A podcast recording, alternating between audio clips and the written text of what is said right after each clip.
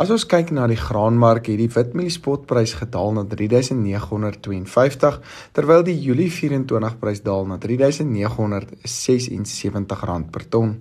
Die geelmieliespotprys daal na 3755 met die Julie 24 prys laer op 3856 rand. Die sojaspotprys styg na 9264 met die Mei 24 prys hoër op 8800 rand per ton. Die sonneblom spotprys styg na 9150 terwyl die Mei 24 prys styg na 8890 rand per ton.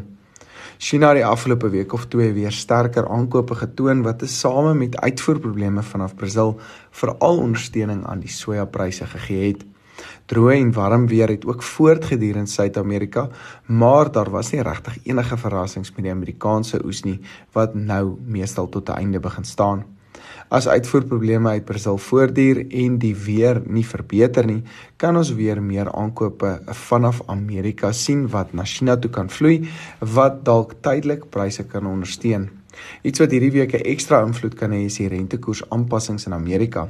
As hulle besluit om dit onveranderd te laat, kan die dollar verswak, die rand bietjie sterker raak wat natuurlik druk op pryse kan sit vir hierdie week. Groot fondse koop ook nie grane op die oomblik nie wat hierdie mark baie beperk vir enige drastiese opwaartse bewegings uh, soos die seisoen ook natuurlik ontvou.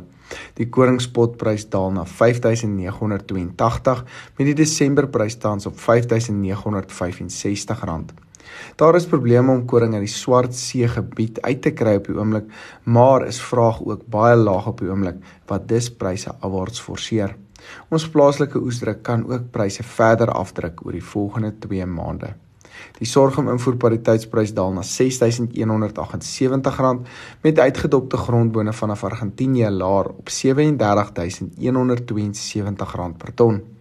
Lucerne graad 1 pryse staan tans op R4100 per ton.